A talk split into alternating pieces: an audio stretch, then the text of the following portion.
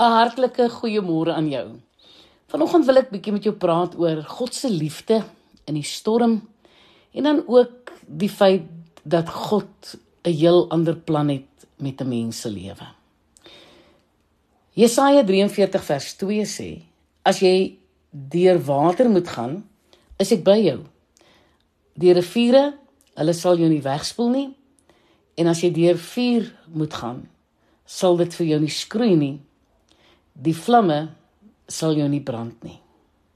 God sê, my kind, in watter situasie jy jou ook al in hierdie stadium van jou lewe mag bevind, dalk deur ander se toe doen of miskien jou eie. Ek is God wat 'n bo-natuurlike boog span oor jou lewe met die lese goddelike inspraak. En ek sal ingryp en my naam sal daardeur verheerlik word. Onthou, jy is nie noodwendig in die storm omdat jy iets verkeerds gedoen het nie. Daar is 'n Satan en daarom ook iets soos geestelike oorlogvoering. Dit help nie ons druk ons kop soos 'n volstruis in die sand en ontken dit nie. Ons leer God se getrouheid eers ken wanneer ons in die storm is. Hoewel die disippels 3 myl diep in die see was, het Jesus van hulle geweet. Wanneer jy hom nie kan sien nie, kan hy jou nog sien. Is dit nie wonderlik nie? My onvermoë om hom te sien, keer hom verseker nie om my raak te sien nie.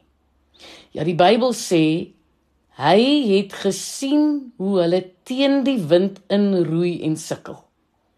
Hulle het net nooit opgehou om doelbewus en met mening te roei nie. En dit is presies wat jy moet doen wanneer jy in die storm is. Jesus wil hê jy moet aanhou roei.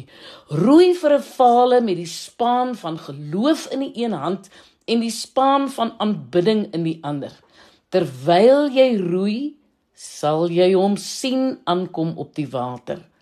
Man maak soos Petrus en steek net jou hand uit. Here, die storm is erg. Here, dit is geen grap nie.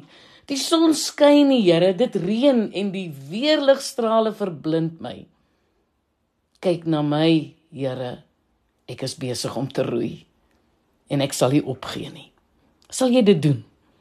En dan wil ek hê jy moet onthou dat God altyd 'n ander plan het. Die Here het vir Samuel gesê: "Samuel, hoe lank gaan jy nog oor Saul treur nadat ek hom as koning oor Israel verwerp het?"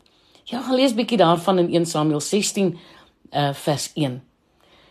Jy sien soms maak dit nie saak hoe hard ons bid of hoe lank ons in geloof volhard nie.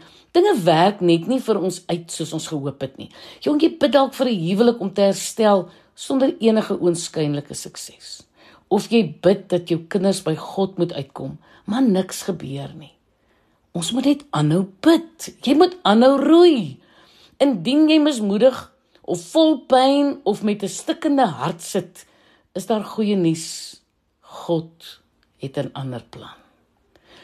Jong, wanneer die een deur toe gaan, sal hy ja, hy sal 'n ander deur vir jou oopmaak. Die Bybel sê God sal dit wat die duiwel teen ons gebruik vir ons omdraai en in iets goeds verander. Josef se lewe getuig daarvan. Hy het alreeds gehad om bitter te wees teenoor sy broers, selfs haat te dra of te treur oor sy lot, maar hy kies om God se seën op sy lewe raak te sien ten spyte van al die terugslag. Hy sê vir sy broers: "Julle wou my kwaad aandoen, julle rakkers, maar God wou daarmee goed doen." Ja, God het altyd 'n ander plan, jong. In veel veel beter plan. Jy kan niks aan die verlede doen nie, maar jy kan verseker besluit dat jy gaan fokus op dit wat kan wees. Samuel se hart was gebroke wanneer sy meester koning Saul verwerp. God vra vir Samuel hoe lank hy nog wil treur. God gee vir hom 'n opdrag om sy horing te vul met olie en 'n nuwe koning te gaan salf. Hy reageer onmiddellik. Indien Samuel nie opgestaan en gegaan het nie, sou Israel 'n wonderlike koning Dawid misgeloop het. Jou Vader het ook vir jou in jou omstandighede 'n ander plan. Ek is Lenet Beer vir Radio Kansel.